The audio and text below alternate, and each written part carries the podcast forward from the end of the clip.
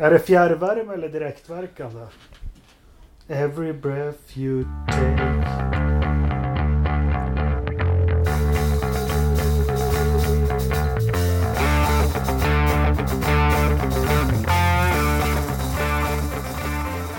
Forsa-podden har kommit fram till avsnitt 112 idag. Och som vanligt så är vi en trio. Eh, Engelmark, Ridderstolpe och Lövström. Eh, gladare och piggare än någonsin va? Absolut. Jajamän. Ja. Eh, racefri helg.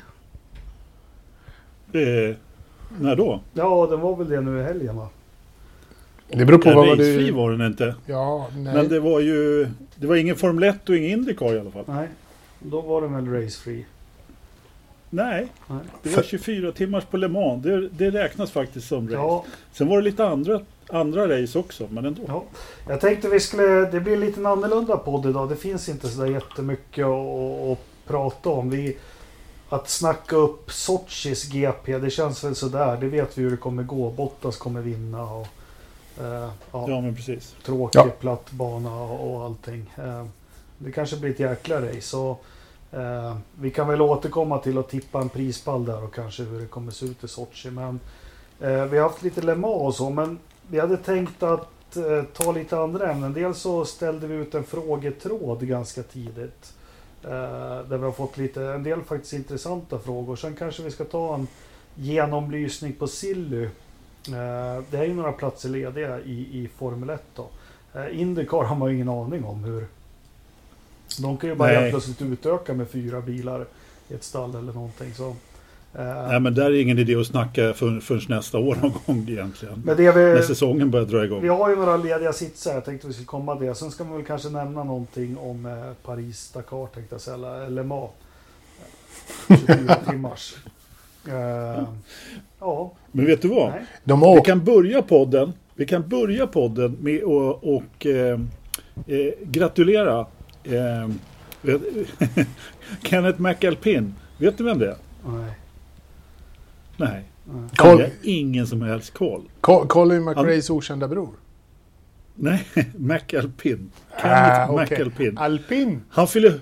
Alpin? Han är britt. Han fyller 100 år idag. Ja, Det är inte dåligt. Lever han? Han är... Ja, han lever. Och han är den äldste Formel 1-föraren som lever. Det är fan ett grattis på det.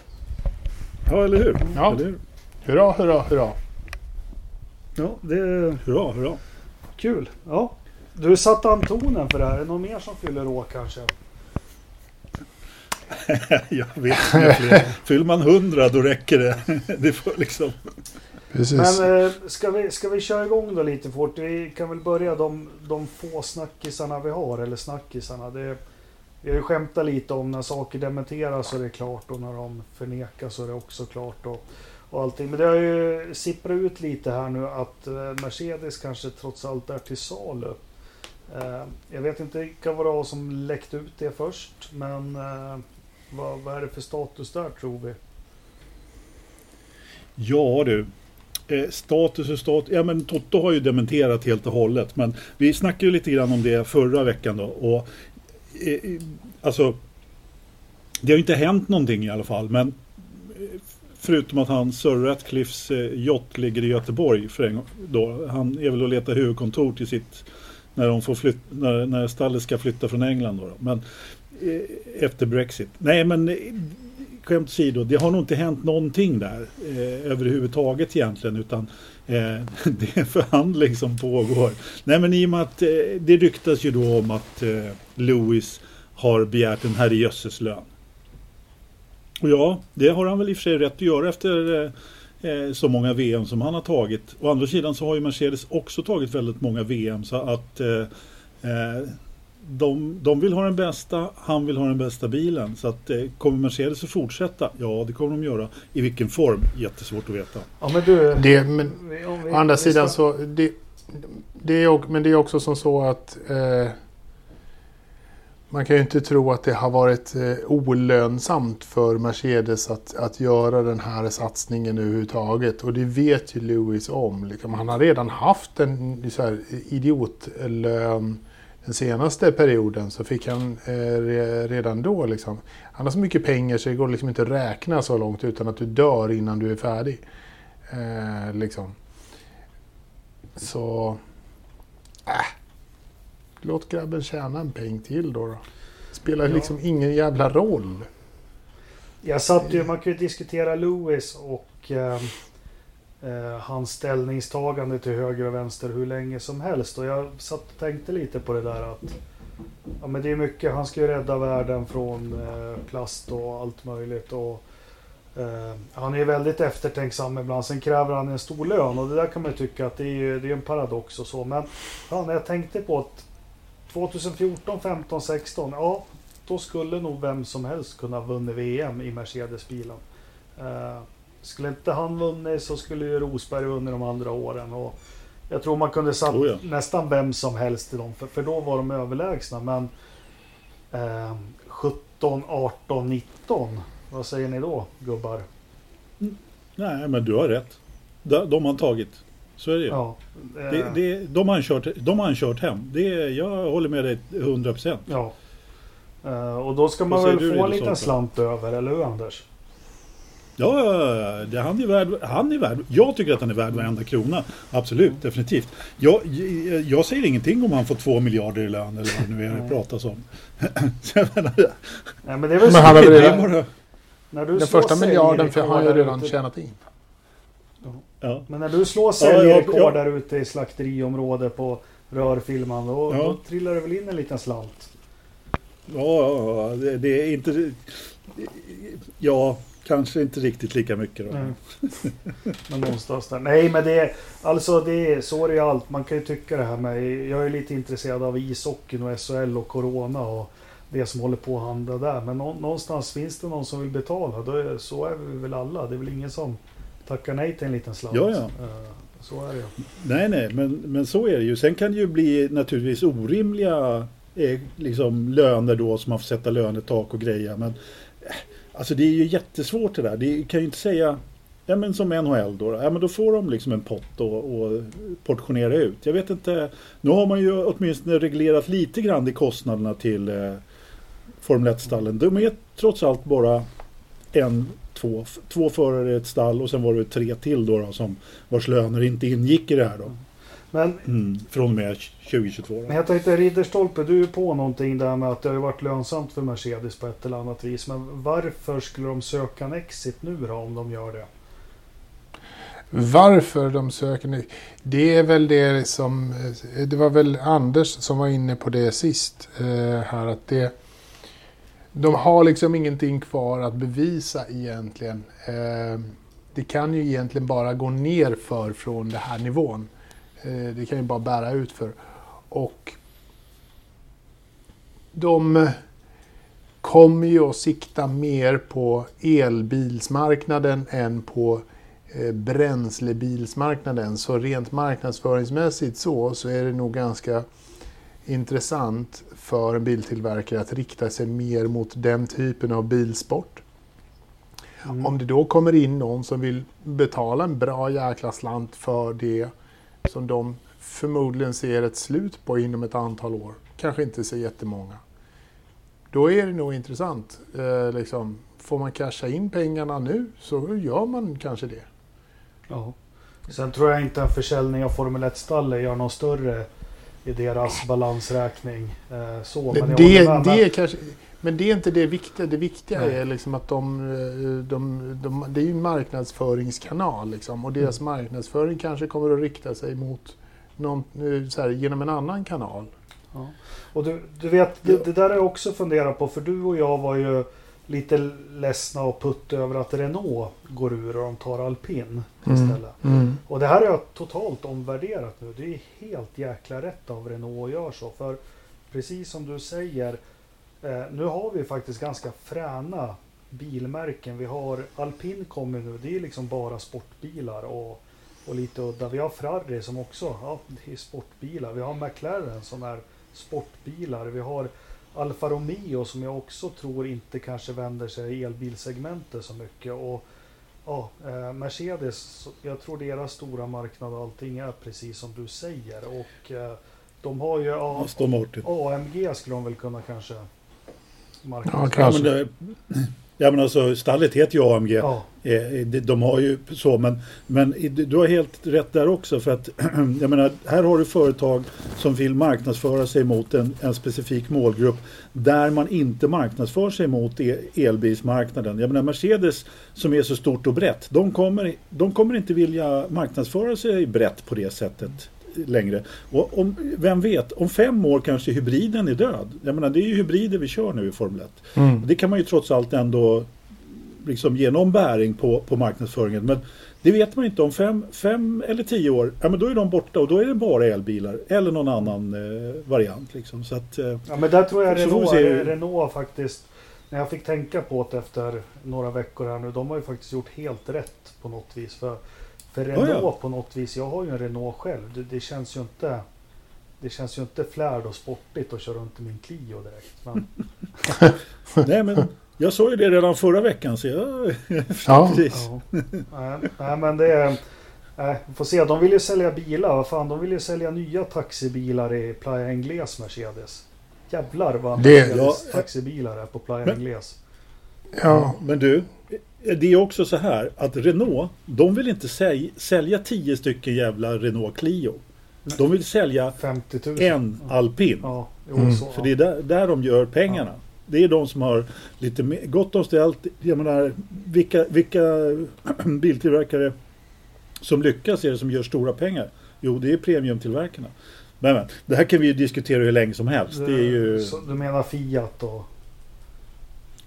eller hur? exakt. Jag tänker fram, framförallt så tänker jag på Porsche faktiskt som har gått ifrån att vara en eh, tillverkare som, som får sno ihop plåtar för att bygga bilarna och i stort sett var bankrutt liksom när man kom på att man kanske skulle ta lite betalt och bygga en SUV istället. Är inte så de mest lönsamma i hela den koncernen? Eller det? Ja, ja, ja. De, alltså de, de, de, tjänar så mycket pengar så de vet ju inte vad de ska göra av dem i stort sett. Det är ju sjukt mycket pengar de tjänar. Ja, Här. nej, men vi, Här, ge till mig. Jag behöver pengar. Ja. ja, jag behöver. Jag eh, lider ju fortfarande av debaclet med de här pikétröjorna. Jag har inte, inte återhämtat mig än ekonomiskt. Det, jag har fått stopp på blödningen i alla fall. Nu, nu är det återhämtning här och komma tillbaka re, ekonomisk rehab.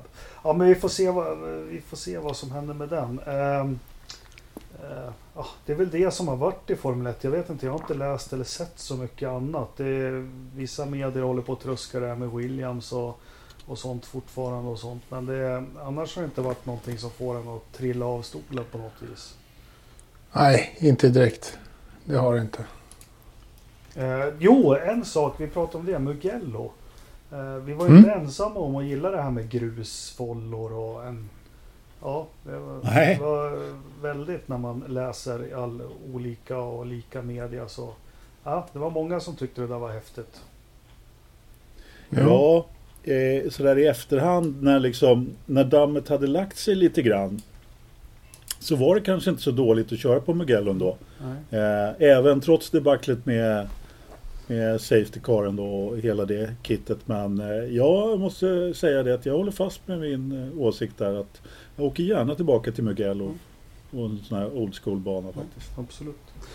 Ska vi ta och titta över lite Silly Season som det så fint heter. För den drar ju på 80-talet när jag började följa Formel 1 så drog alltid Silly Season igång i samband med Monza i september. Nu är det ju Silly Season året runt.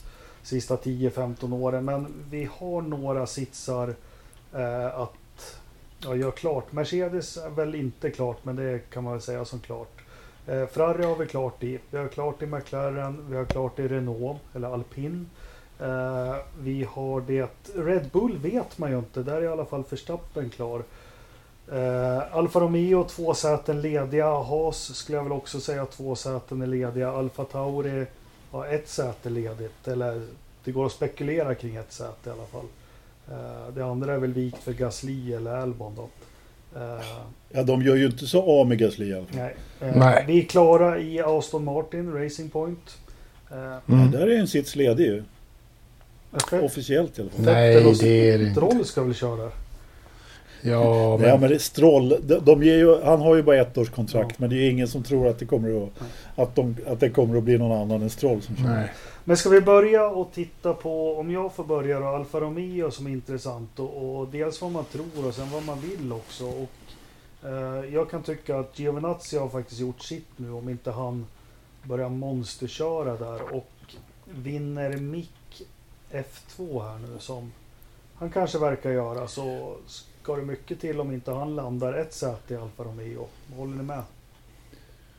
Ja, det är väl, Ja. ligger ju nära till hans. Ja men det, det går inte att säga så mycket annat än att Mick är nog vikt till en av de där platserna. Sen om, alltså, se, sen Giovinazzi han måste nog vinna resten av säsongen om han, om han ska ens bli påtänkt. På egen fart liksom. För det spelar inte så stor roll vad han gör. För han, han har varit så jävla dålig. Och så jävla långsam. Så att jag har inte sett maken till dålig förare om jag ska vara helt ärlig. Oj! Jag, jag, jag kan inte komma ihåg när jag har tyckt att en förare som inte gör någon skillnad på det här sättet. Det var länge sedan faktiskt. Så här. Eh, Alltså Stroll är ju rena rama stjärnan jämfört med Giovinazzi. Ja. Liksom. Han har väl ryckt upp sig lite den här säsongen i alla fall. Giovinazzi? Nej, jag skulle inte vilja Nej. säga det. Nej, verkligen inte. Alltså, Han får- Det har inte hänt någonting där. Jag håller med, det är blekare. Nej, han- Blekare insats får man ju leta efter. Ja men då, Ja. där, vad, vad tror ni om då? Om, jag tror det är ganska avgörande för Mick att vinna mästerskapet faktiskt. Mick Schumacher då i F2. Jag tror inte, Jag det, tror är inte det. det. Ja, jag tror inte det är det som make it or break it. Kom- Kommer han tvåa så eh, är det lika bra. Skulle jag säga. Han, kom, han kommer att köra Alfa Romeo nästa år ändå. Det, det är vad jag tror. Ja. Det Ja. spelar ingen roll om han kommer etta, två eller tre. Och, då- och, Men, men visst. Det, det, det, det, det, han får nog lite extra skjuts i karriären om han vinner F2. Det är klart. vi, vi har ju ett till säte där men då, då är vi överens om att vi, vi är ganska säkra på att ett säte i Alfa Romeo är vikt för Mick Schumacher. Yes. Yes. Mm. Och då har vi ett till sätt och där jag, jag tror, jag har inget belägg för det utan det är bara spekulationer. Jag tror att Kimmy bestämmer själv om han vill köra eller inte nästa år. Särskilt Ja. om de tittar på att ta in Mick Schumacher, en rookie också. Men eh, Ja. Kim är ju inte den enda som man eh, förmodligen tittar på när man heter eh, Fredrik Vasseur. Nej, han har väl ett Ja. gott öga till Hylkenberg också som jag har förstått det. Precis, jag tror att han tittar faktiskt ganska ordentligt däråt. För att det är några års skillnad på pojkarna. Liksom.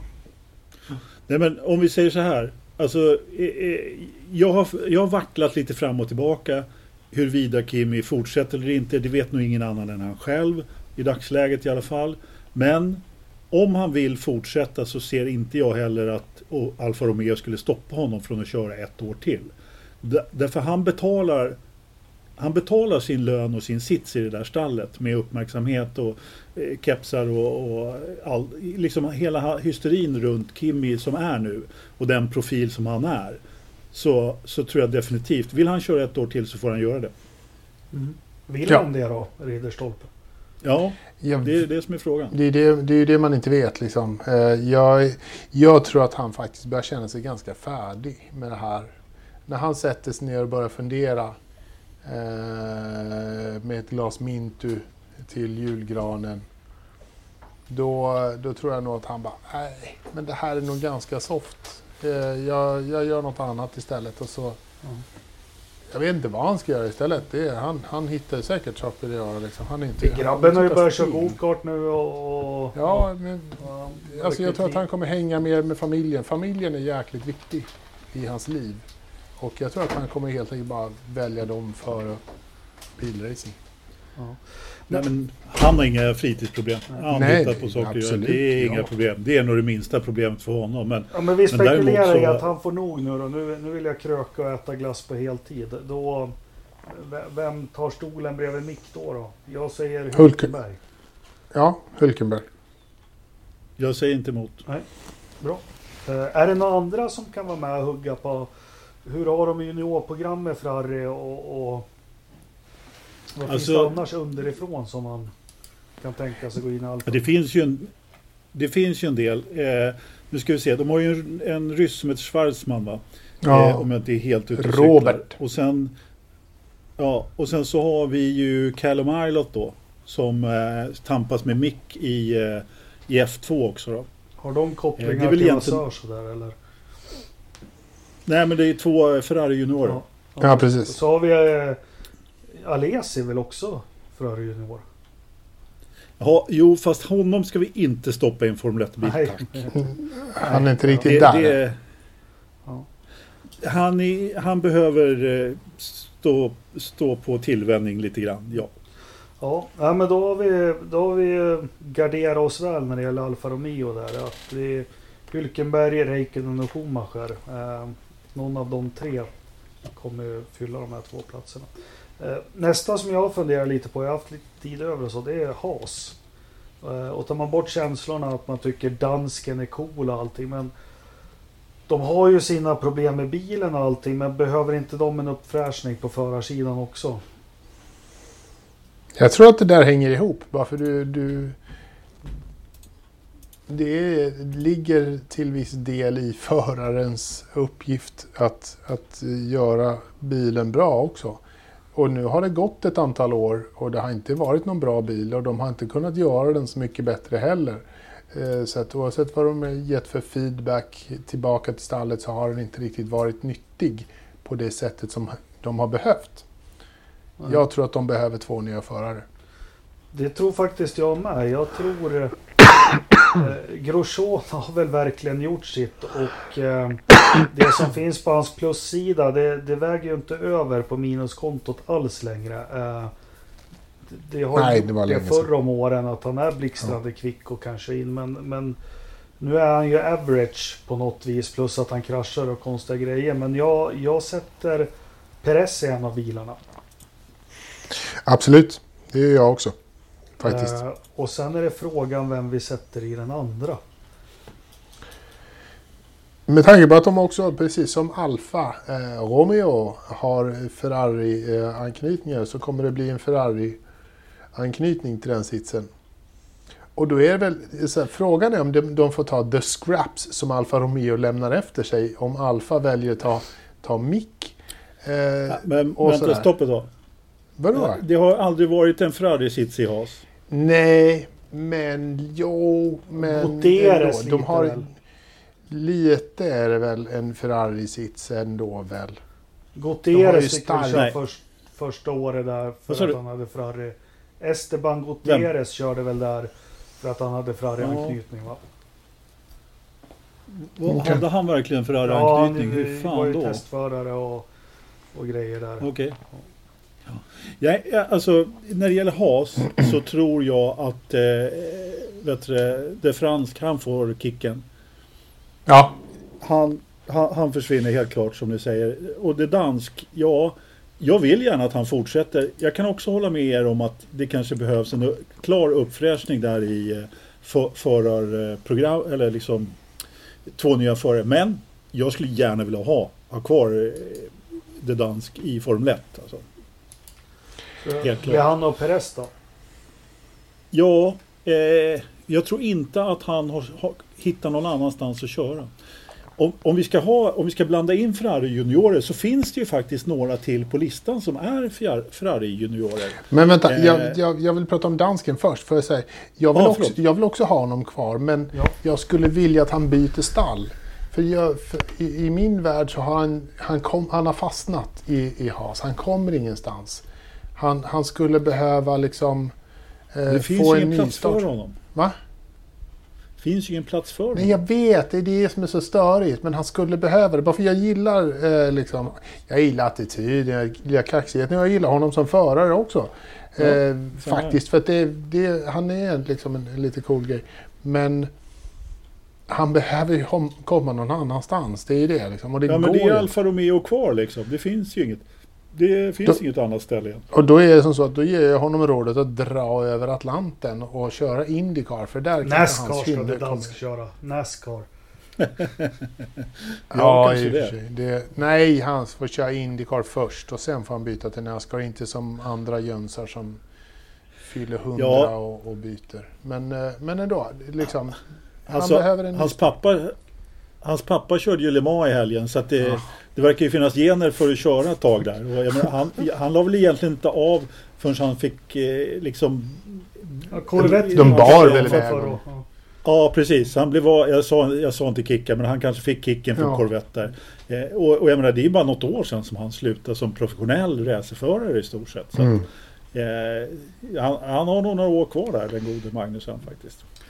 Ja, nej men, men det, ja, jag vet inte. Hylkenberg kan ju säkert vara, vara, vara aktuell där också. Eh, Hylkenberg ja, tar ju dock säkert. inte med sig pengar för dansken tar ju med sig mycket pengar in i stallet. Ja, frågan är hur mycket det är nu för tiden. Ja, det är i alla fall någon mille. Ja, jo, men det är det definitivt. Ja, men det är Jack, Jack and Jones pengar liksom. Det är väl inte att... Jeanspengar är väl inte att förkasta? Nej, absolut Nej, inte. det är det definitivt inte. Frågan är om de har börjat sinat eller hur det är. Jag vet inte riktigt. Eh, jo, men det jag skulle säga där när vi var inne på Ferrari juniorer igen var ju eh, eh, att eh, förutom att vi, alltså Dino Beganovic, han mm. är ju kanske lite ung för att ta en Ferrari-styrning än så länge då. Men han är ju, det är ju trots allt en svensk i den där eh, mm. Eh, Ferrari Young Driver Academy. jo, nej men vi har ju Arthur jag vet inte, han är nog inte riktigt mogen än heller. Men, Äsch, eh, tennisspelaren. Jag tänkte Ringart, men herregud, han är för gammal. U US Open 75. Ja, Arthur Leclerc för bövlen. Ja. Ah. ja. Hur gammal är han? 17? Han är 19. 19. Jag har, har ärligt talat ingen jättekoll på vilka resultat han har gjort. Men han är inte långsam i alla fall. Vad kör han? Formel 3? Ja du, Eh, han eh, kör eh, den här regionala va? F3-klassen? Ja, Formel, ja, Formel Regional eller vad det heter för någonting. Där som, som eh, vad heter han? Som vi hade som gäst. Linus? Som Linus körde förra året, ja. Precis. Typ mm. den Formel 3-serien kör. Ja, vi får se. Ja, ska vi snacka lillebrorsor då kan vi ju Hampus rycka in kanske och köra. Ja, du, han, kör, han, han kör Porsche här hemma och kanske inte jättebra, eller jättebra men ja. Han, han, han är tvärtom mot sin brorsa. Han kvalar som bra som bara den men har ingen riktig racecraft sådär. Så jag vet inte, man skulle behöva ha både och där. Vet ni vad? Innan vi går över till de andra lediga sätena så gör vi ett litet uppehåll nu för jag måste eh, kolla minneskortet. En teknisk paus. Så jag trycker på stopp nu Anders.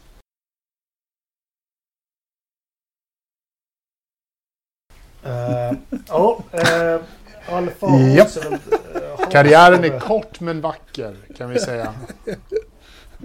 ja. Danger zone. Danger zone. Då var vi klara med Haas och Alfa Romeo. Då. Det, det, är väl där det kan spekuleras mest om det eventuellt är fyra, fyra sitsar lediga. Sen är, har vi de här Helmuts grabbar och där kan man väl säga att de som är garanterade sits det är ju Verstappen i, i Red Bull. Sen får vi se. Eh, byter man Gasly mot Albon nu nästa säsong? Vad tror ni? Ja du, Fan. det är 10 000 kronor Omöjligt. Vet inte. Alltså de... Det är de nu backar de Albon mer än vad de har backat någon i, i andra bilen på Red Bull faktiskt på, på väldigt länge. De, de supporterar honom som fan verkar det som. Och, och verkar inte vilja byta ut Albon. Eh, varför kan man ju fråga sig, ingen aning.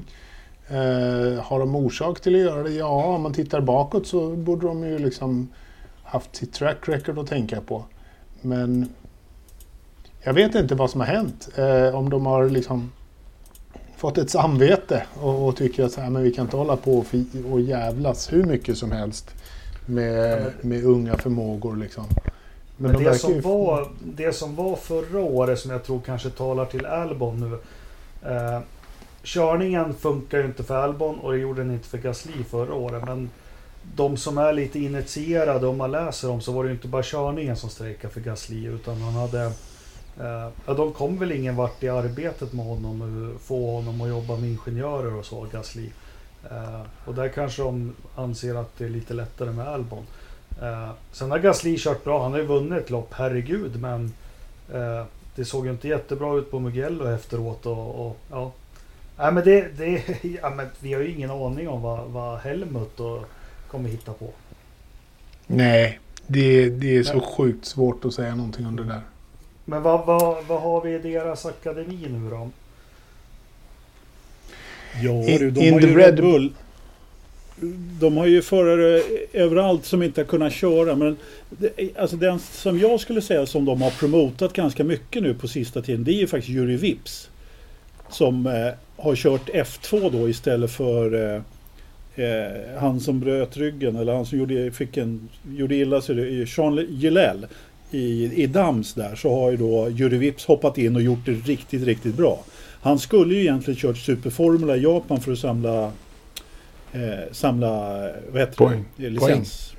Superlicenspoäng. Men eh, han hamnade, det gick ju inte att åka dit då, då. Det är många europeiska förare som får stanna hemma därifrån nu.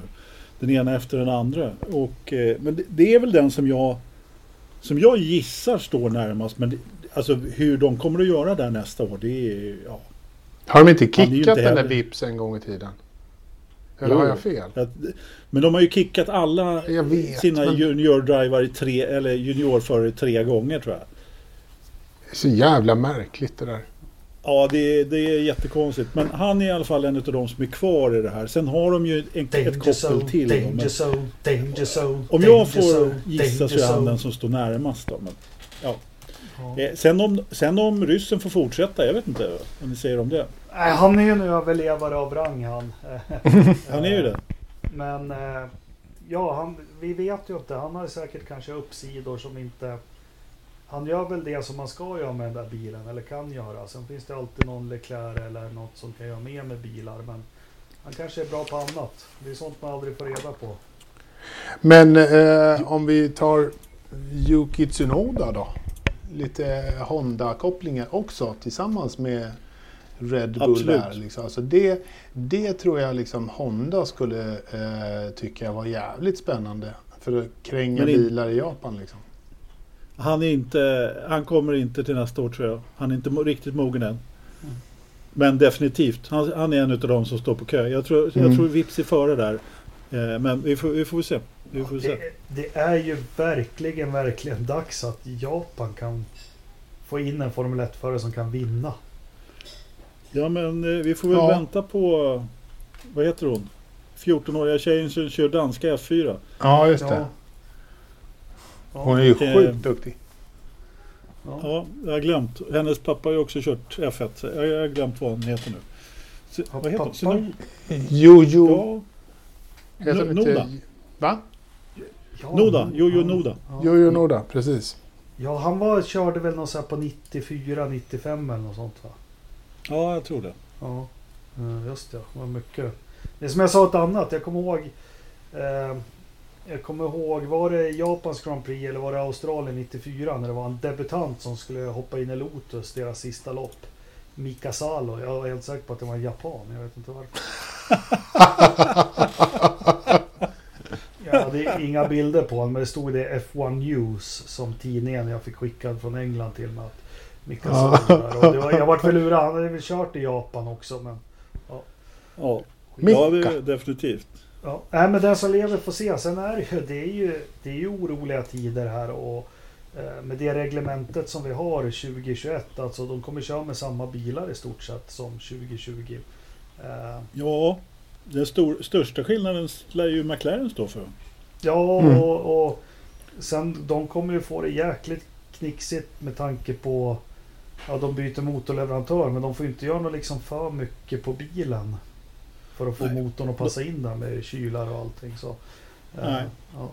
De kommer få det tufft. Ja, vi får se. Ja, men det är väl det Silly. Det är väl inte så mycket annat. Vi får väl se när det händer något med, med Haas och med...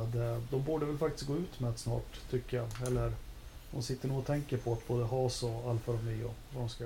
Jag tror, det kan vända. Jag, jag tror att det kan eh, dröja faktiskt. Ja, det är fan Jag tror-. Jag tror inte de har speciellt bråttom faktiskt heller. Nej. Utan de, de, de tar det nog lite lugnt. Sen är det väl som så att bägge två har ju en orsak till att eh, knipa. För de har ju samma spelare att välja på, bägge två. Mm. Och man vill inte ha the leftover. Eh, liksom. Man vill inte vara käka grannens gamla rester från igår. Eh, mm. Nej, men det, det, är nog ingen som har brådis där. Det finns ju bra förare också att ta av. Även, eh, så man behöver nog inte ta resterna där. Men eh, jag, jag, det är ju något av en mellansäsong så att jag tror att de, eh, jag tror att de softar lite faktiskt. Mm. Mm. Ja, den som lever får se. Den som lever får se. Ja, vi drar ju mot eh, Putinland nu och Sochi. Eh, de har ju börjat flyga in där redan nu, förarna eh, till Ryssland. Och, ja, är väl inte mitt höjda race på säsongen. Är det inte. Det, men jag tror Bottas vinner i alla fall, så har jag det sagt. Ja. Ja, han brukar ju göra det så att... Det är väl hans plats. Det är hans tur ja. liksom. Han får ett lopp om året och han får det i Ryssland. Så du är finne, det är halvryssland. Fan, ni dricker vodka. Kom igen, sa ja. Toto. Ta det, ta det och var nöjd. Ja. Du får välja vodka eller te. Ja, fan, vodka. Mm. Eh, bra det. Du, vi kör vidare med, eh, som jag sa, vi hade ju en eh, frågetråd. Mm, cool. Eh, skönt, den är befriad från att Ola och Ternström frågar varför de har slutat i podden eller inte med i podden. Ja, och då är du tvungen att prata om det. Ja, ja men jag bara... Vi börjar med Thomas Skalberg. Vi drar av allt i full fart då, är det bra? Hade en F1 från, eller F 2004, jag vet inte om han eh, syftar på Ferraris 2004 års modell, ja. kunnat hänga på dagens Merca på Mugello. Jag svarade ju honom med förra, förra veckan när inte, han fick, när inte han fick fråga den så svarade jag honom i tråden att jag trodde att den skulle göra det. Och då, då meddelade han att ja, fast Rubens testade ju där på Mugello någon gång och var ju tre sekunder långsammare. Och då tyckte jag att om de hade stoppat en riktig chaufför i den där bilen och dessutom med slicks så hade det nog faktiskt varit så att den till och med hade kunnat haka på. För att vad jag kommer ihåg av den där bilen så, så var den ungefär Ja, men alltså, om man tittar på Barcelona kanske inte är något bra exempel men jag tror att tiderna där var ungefär samma för Mercedes, årets Mercedes. Och, men de hade ju, nej inte riktigt, de hade ju räfflade däck, det är en faktor. Sen var ju, sen mm. var ju de oh, här men... räfflade däck, däcken var ju otroligt bra grepp i dem på slutet där. Ja, ja. Eh, sen ska vi se lite till utvecklingen för det var ju 04, det var ju sista året med V10 och det var traction control och det var precis allt möjligt. Bilarna var lätta man fick tanka. Eh, ja, det var, det var allt möjligt. De varvade väl, det var väl första året med varvtals, de fick bara varva 19 eller 20 000 då. Eh, men alla banrekord var ju så här. Sen, sen började de köra med, eh, de körde V10 2005 också, men då hade de det här jättekonstiga reglementet att du inte fick byta däck. Om ni minns. Ja, just det. Sen så ströp de V10 till året efter och körde med V8. -or. Och sen så kom nytt reglemente 2009 när de höjde bakvingarna och ja, bilarna såg ut som de skulle tippa över. Eh, sen kom vi till 2014, alltså första året med nya motorreglemente hybrid. Då gick ju faktiskt bilarna sakta. Det gick inte fort alls. Eh, jämfört med innan. Och det var väl de här åren man började, nej men vi måste tillbaka till, vi måste ha tusen hästars motorer och vi måste börja slå. Och jag tror de här bilarna i år eh, slår 2004 års bilar ganska klart. Det är så mycket mer downforce i dem. De är så otroligt mycket större och, och, och genererar så mycket mer tryck. Så jag tror fasen de slår 2004 års bilarna. Jag tror det är på året. Ja. Jag vet inte. Ja, ska... det är liksom, om, om du tar bort så här, de här räfflade däcken och kör liksom med moderna slickspåren. Eh, alltså det är, det är en spännande kamp. Det är, det, är, det är en tight fight, tror jag. När jag inte... kör eh, simracing så kör inte jag något fortare med 2019 års bil än 2004 års bil. Du kör inte fort, så, så kan vi stanna det där. Jo, liksom. men jag kör rätt bra nu. Men på, på Monza som kanske är en bana där du inte behöver så mycket marktryck och så. Men ja, ja men det skulle vara häftigt. Eh, vi kommer aldrig få veta. Olof Laneryd, han frågar så här. Skulle det kosta extremt mycket om alla team haft en 3D-bil som under träning 1 och 2 bara får köra som nya testförare. Det känns som om det går en trend att återvända gamla förare och då kommer knappt något nytt blod in. Det här pratade vi, ju, vi pratade om 2004, då var det faktiskt en svensk, Björn Wirdheim, som körde just eh, fria träningen för Jaguar.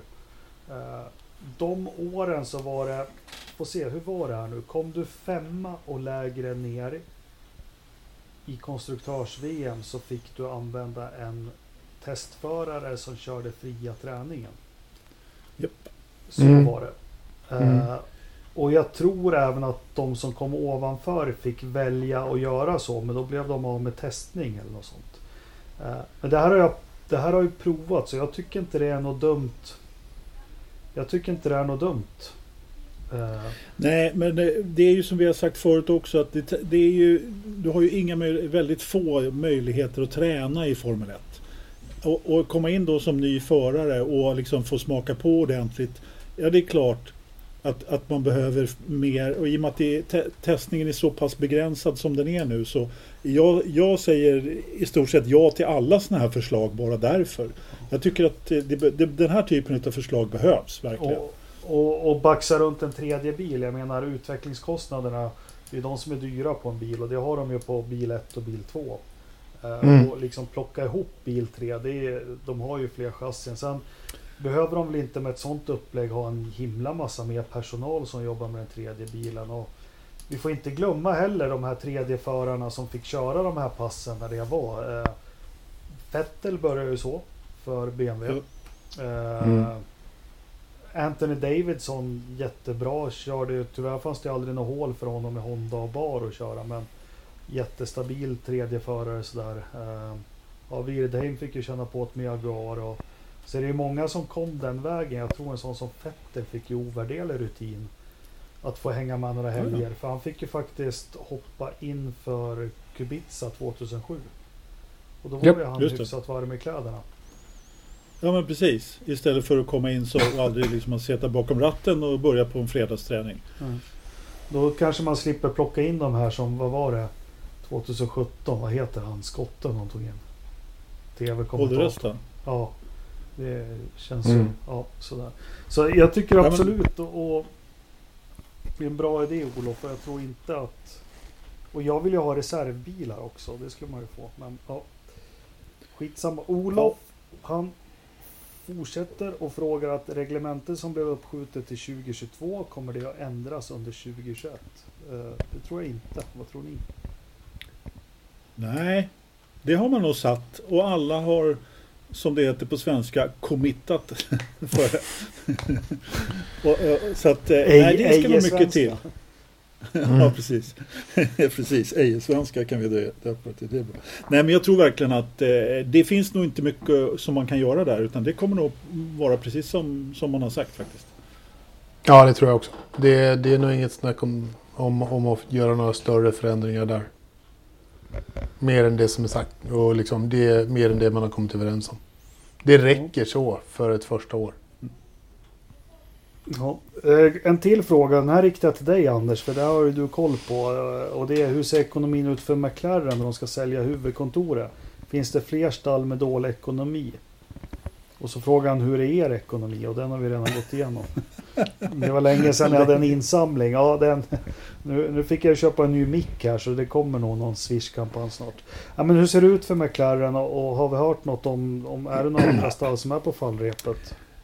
Ja, alltså om, vi- om vi börjar med McLaren så är det väl så här att det är klart att det, det, det ger ju inga så här jättebra vibbar när man först måste låna en och en halv miljard och sen ska sälja huvudkontoret för att sen lisa tillbaka det.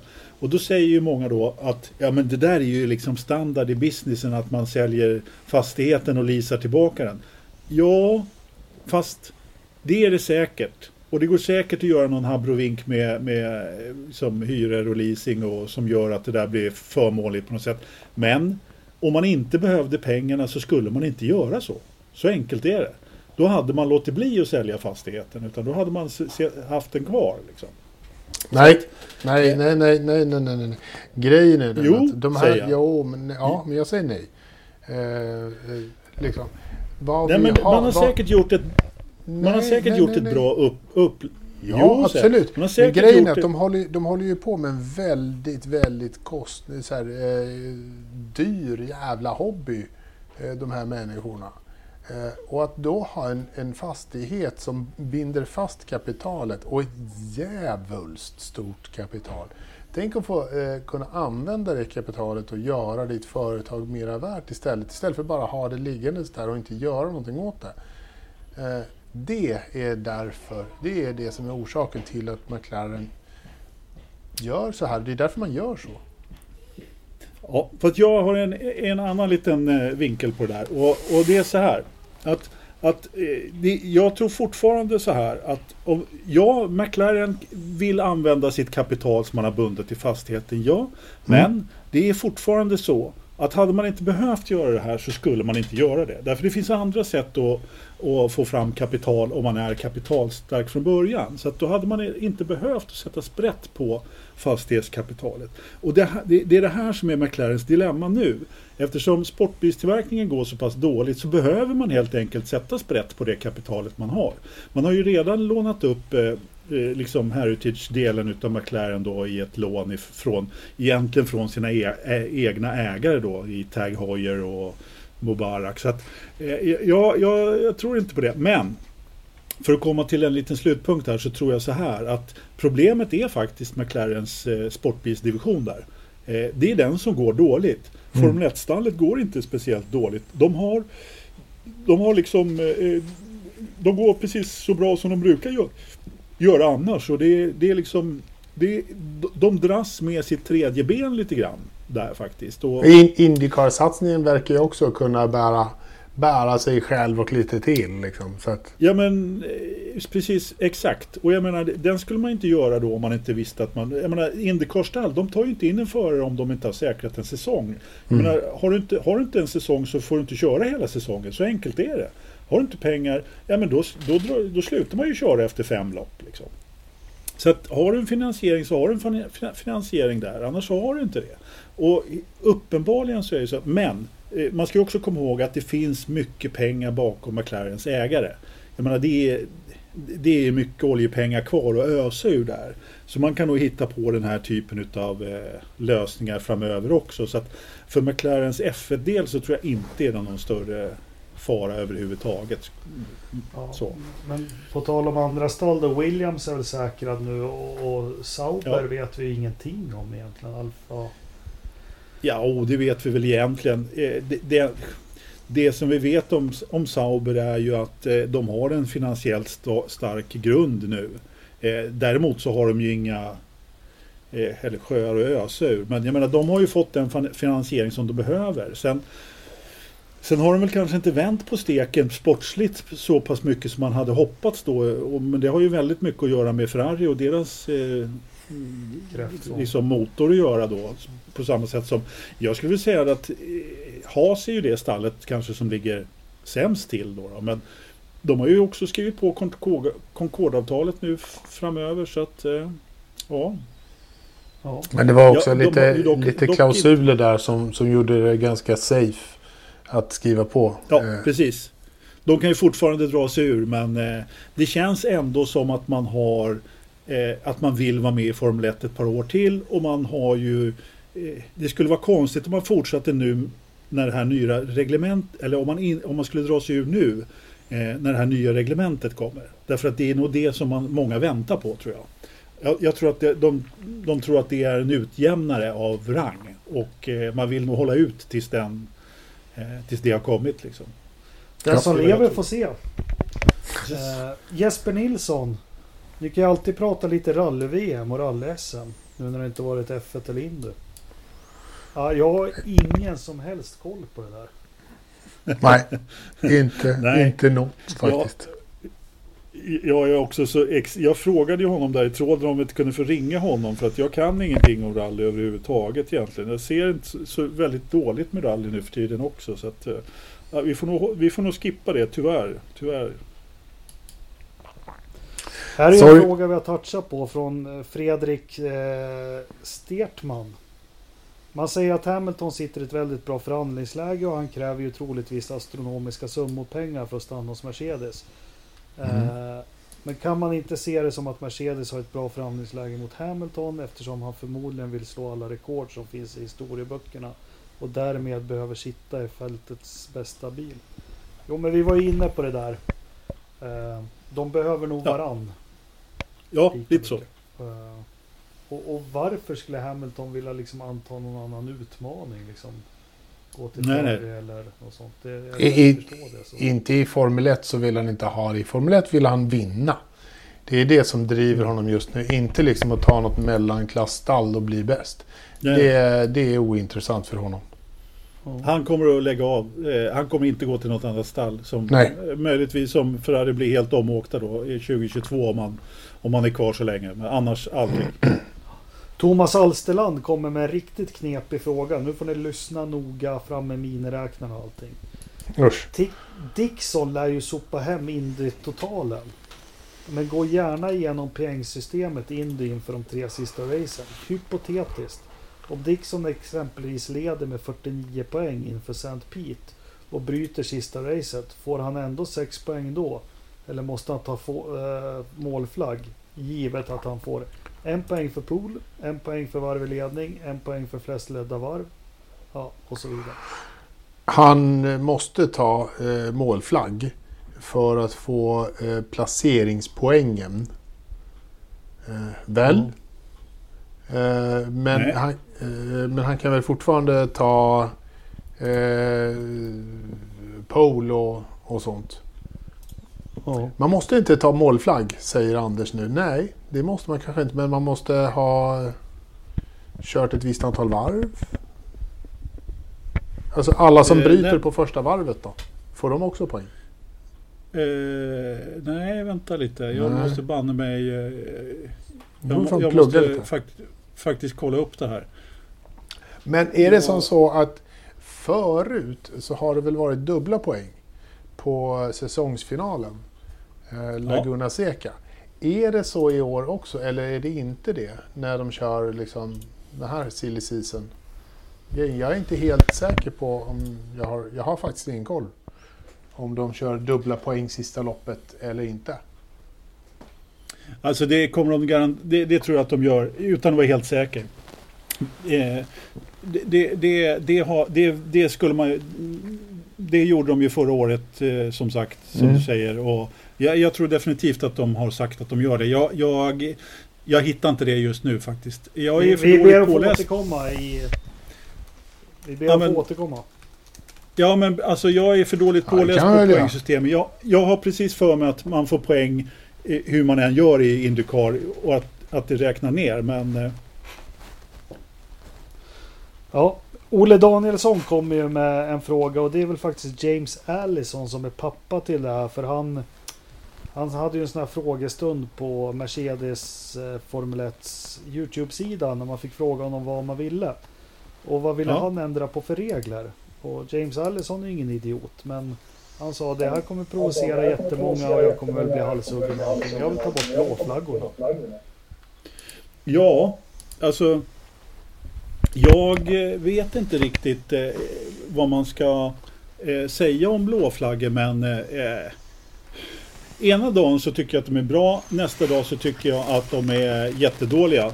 Så att eh, jag vet ärligt talat inte vad man ska... Eh, vad man Det ska är, det är tvåeggat svärd. Jag vet ju... Jag kan tycka det är charmigt i Indycar tills det är så att Felix jagar en seger och han ska ta sig, från, ta sig förbi varvade förare som inte vill släppa förbi honom. Då blir man ju superfrustrerad. Eh, Jag Ja. tycker att det är alldeles för kliniskt med blå flaggor i Formel 1. Självklart så ska de inte blocka men det ska inte vara det här att... Ja, Nej men det är lite för, det, det är precis det du säger. Kliniskt kanske, jag vet inte om det är rätt ord men det blir för mycket blå flagg. Alltså om du inte har, reglerna nu säger ju att du får väl få blå flagg tre gånger va? Innan du måste i princip flytta på dig. Då. Och eh, det är klart att på en bana som är utmanande så, så kan du ju tappa, det såg vi ju när Marcus körde som blev varvad titt som tätt. Jag menar helt plötsligt så, så tappar han 4-5 sekunder på ett varv. Eh, Mm. Beroende på att man blev varvad.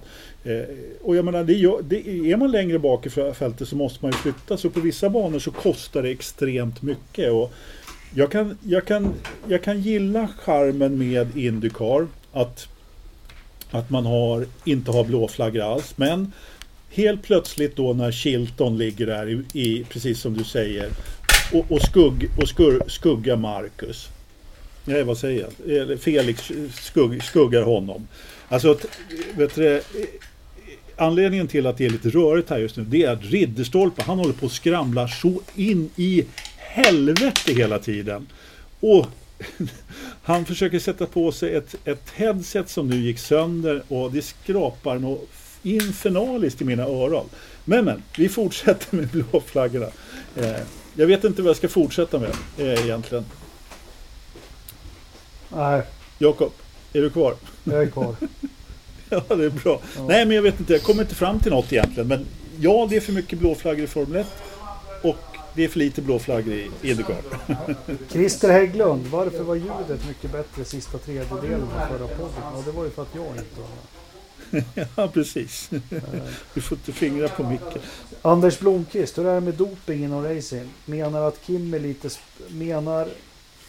Menar är Kim är lite spänd?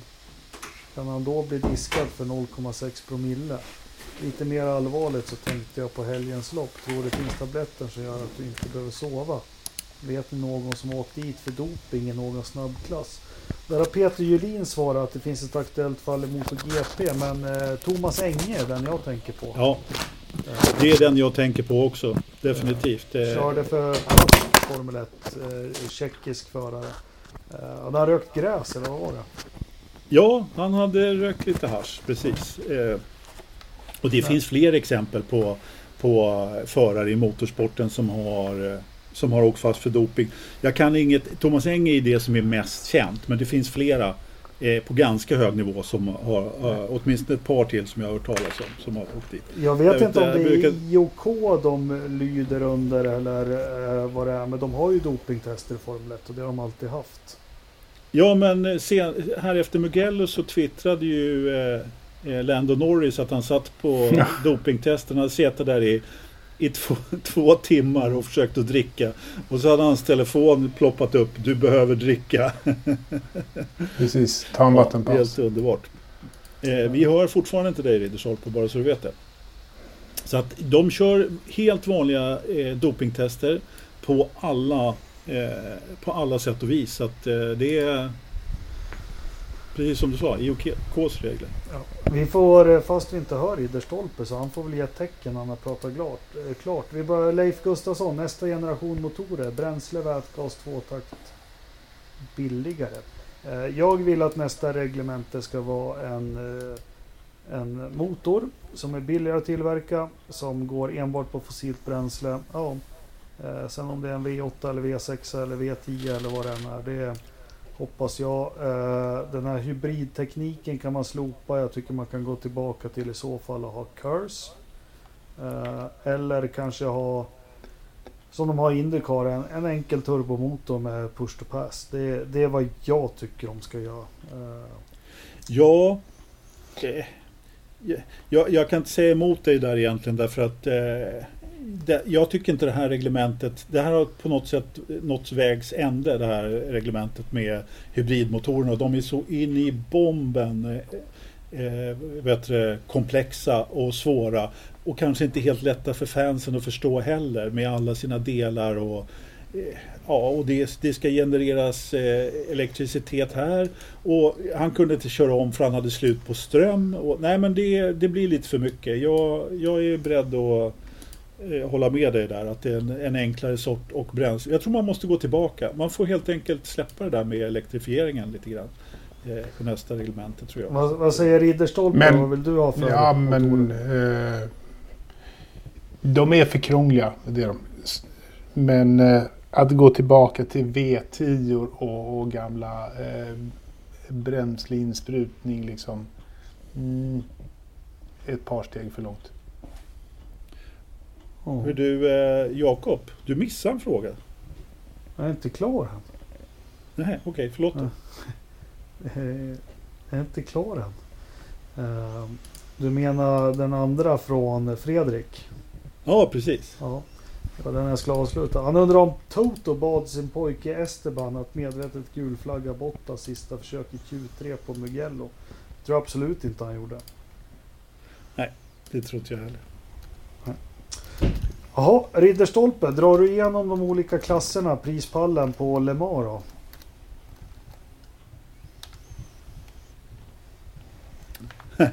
han är helt tyst, Ridderstolpe. Så att, eh, han hör inte oss igen. Så vi får nog ta det här i mål faktiskt. Jag vet inte riktigt vad vi ska göra med, åt Ridderstolpe, men han, han, han, han hörs inte i alla fall. Ja, Jo. jo. det gör han visst det, men han hör inte Jaha. Jakob. Och det är lite av ett aber när Jakob frågar mig saker och ting och jag inte har en aning om vad Jakob säger. Ja, hör du inte Jakob? Hur kan Nej. det komma sig? Jag vet inte vad som Ja. har hänt. Jag har haft ett haveri här som ni inte ser kanske. Jo, Men, jag eh, märker det. Men ja. han, han frågade dig helt enkelt om du kunde dra igenom klasserna, klassvinnarna i Le Mans. ja, det kan jag göra. Ettan kom först och sen kom tvåan och, och sen kom eh, bronsmedaljen. Bra jobbat. Jag har ingen aning Jakob. Nej, jag Just det, förresten. När vi höll på med Indycar där. Eh, Mm. och, och vi, det blev väldigt rörigt här i mitten eh, när, när du började. Du, det sprakade så mycket i Ridderstolpe så jag vet inte. Jag höll på att få ont i öronen. Vi, Mm. vi glömde ju faktiskt säga eh, McLaughlin. Scott McLaughlin. Han, det ser ju ut som han kommer till eh, finalen och ska köra faktiskt. Ja, men det är han, klart va? Han skulle, ja, det, ja, absolut. Det är definitivt klart att han gör debut där för Penske. Så att, eh, det, det ser jag jättemycket fram emot. Hoppas. Mm. Eh, det är ju en jobbig bana naturligtvis att göra debut på. Men jag menar, han har ju kört eh, Supercars i Australien på alla möjliga konstiga ställen. Så att det Ja. ska nog gå bra. Det Och vill man- veta mer om Le Mans då får man lyssna på Farkas podd. Jag tror han kommer... Nej, men jag kan, jag kan ja. åtminstone tala om. vilk- alltså det vi, vi kan ju åtminstone ta eh, vet du, det, Toyota som inte har, egentligen har, alltså LMP1-klassen som är absolut eh, det är liksom det värsta. Men det var fem bilar som startade där, startade där varav två är Toyota. Eh, som, som är den här Alonso-bilen då så, som han vann för, med förra året. Som hade så jättestort motstånd. De har egentligen bara motstånd av sin eh, av sin systerbil, ingenting annat. Och den gick ju sönder efter ett tag då. Så att eh, de tog ut sin tredje seger då, eh, Kazuko Nakajima och Sebastian Buemi va? Ja. Tillsammans med Brandon Hartley som eh, jag Ah, tror Kina, vann för ja. första gången. Kul Ja, precis. honom, ja. Ja, men det var lite skoj faktiskt. He helt klart. Helt klart. Men eh, sen, sen då så, så ramlade väl in ett par eh, eh, Rebellion-bilar på andra platsen. Och så andra Toyotan kom trea och sen kom eh, den, ja, den här sista Kolles-bilen. LMP1, jag vet inte riktigt. Den, den ramlade ganska långt ner i alla fall. I LMP2 så var det väl, eh, nu ska vi se, det var United eh, United Autosports som, som tog det. Jag, kommer, jag kan inte de här gubbarna som kör den. Jag är lite för dålig på det, på det faktiskt. Eh, på, på, på den. Och sen så, men vi hade ju i alla fall en... Eh, vi hade ju, har ju ett halvsvenskt stall där i LMP2. Eh, vad heter han? Hedman. Mm. Som äger eh, eh, som äger Dragon Speed, eller är med delägare i Dragon Speed. Och där hade vi en gammal bekanting som heter Jean Pablo Montoya som körde. Oh. Ja. Han, de kom inte så långt. Jag tror bilen misstände redan från första början. Så att eh, de, de gav sig redan innan mörkret la sig faktiskt. Så Man att, ska egentligen inte göra narr av Le Mans som jag gjorde lite här. Eh, Det är... Jag är ingen laddad att titta på det men vi som gillar motorsport och kanske är lite insatta förstår ju vilken... Ja, man kan göra sig rolig över Toyota att de inte har något motstånd men det är ju inte deras fel. Men det är en enorm jävla bedrift att köra de här bilarna i 24 timmar och få det att liksom funka. Det är...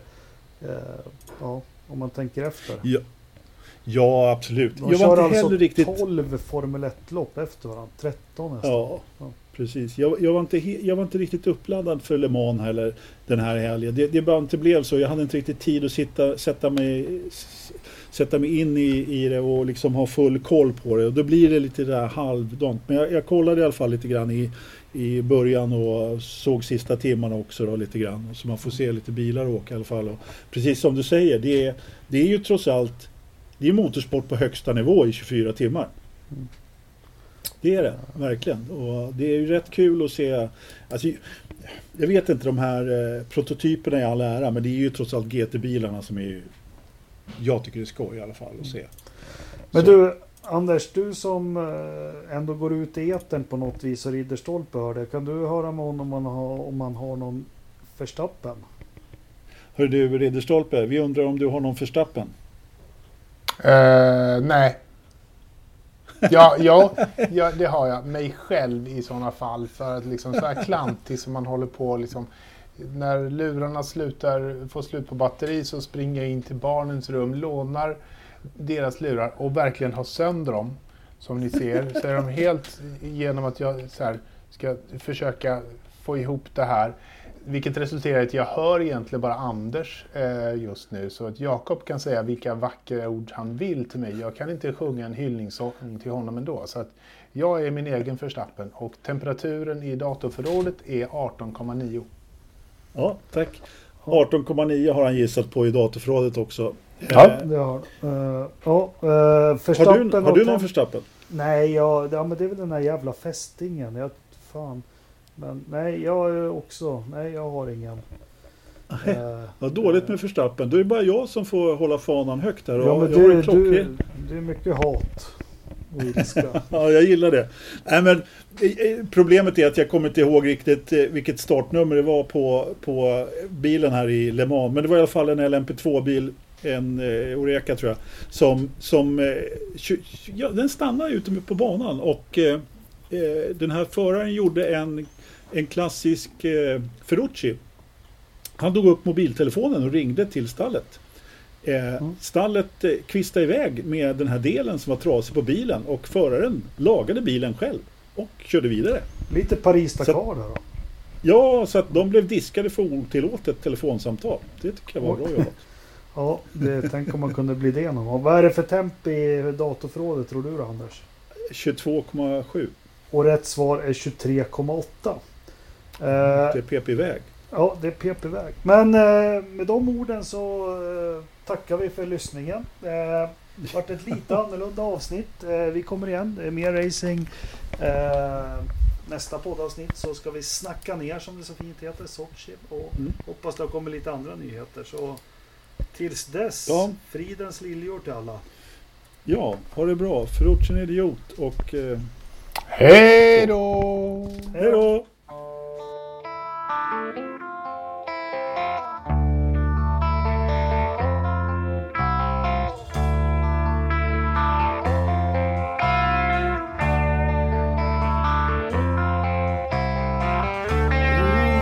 är du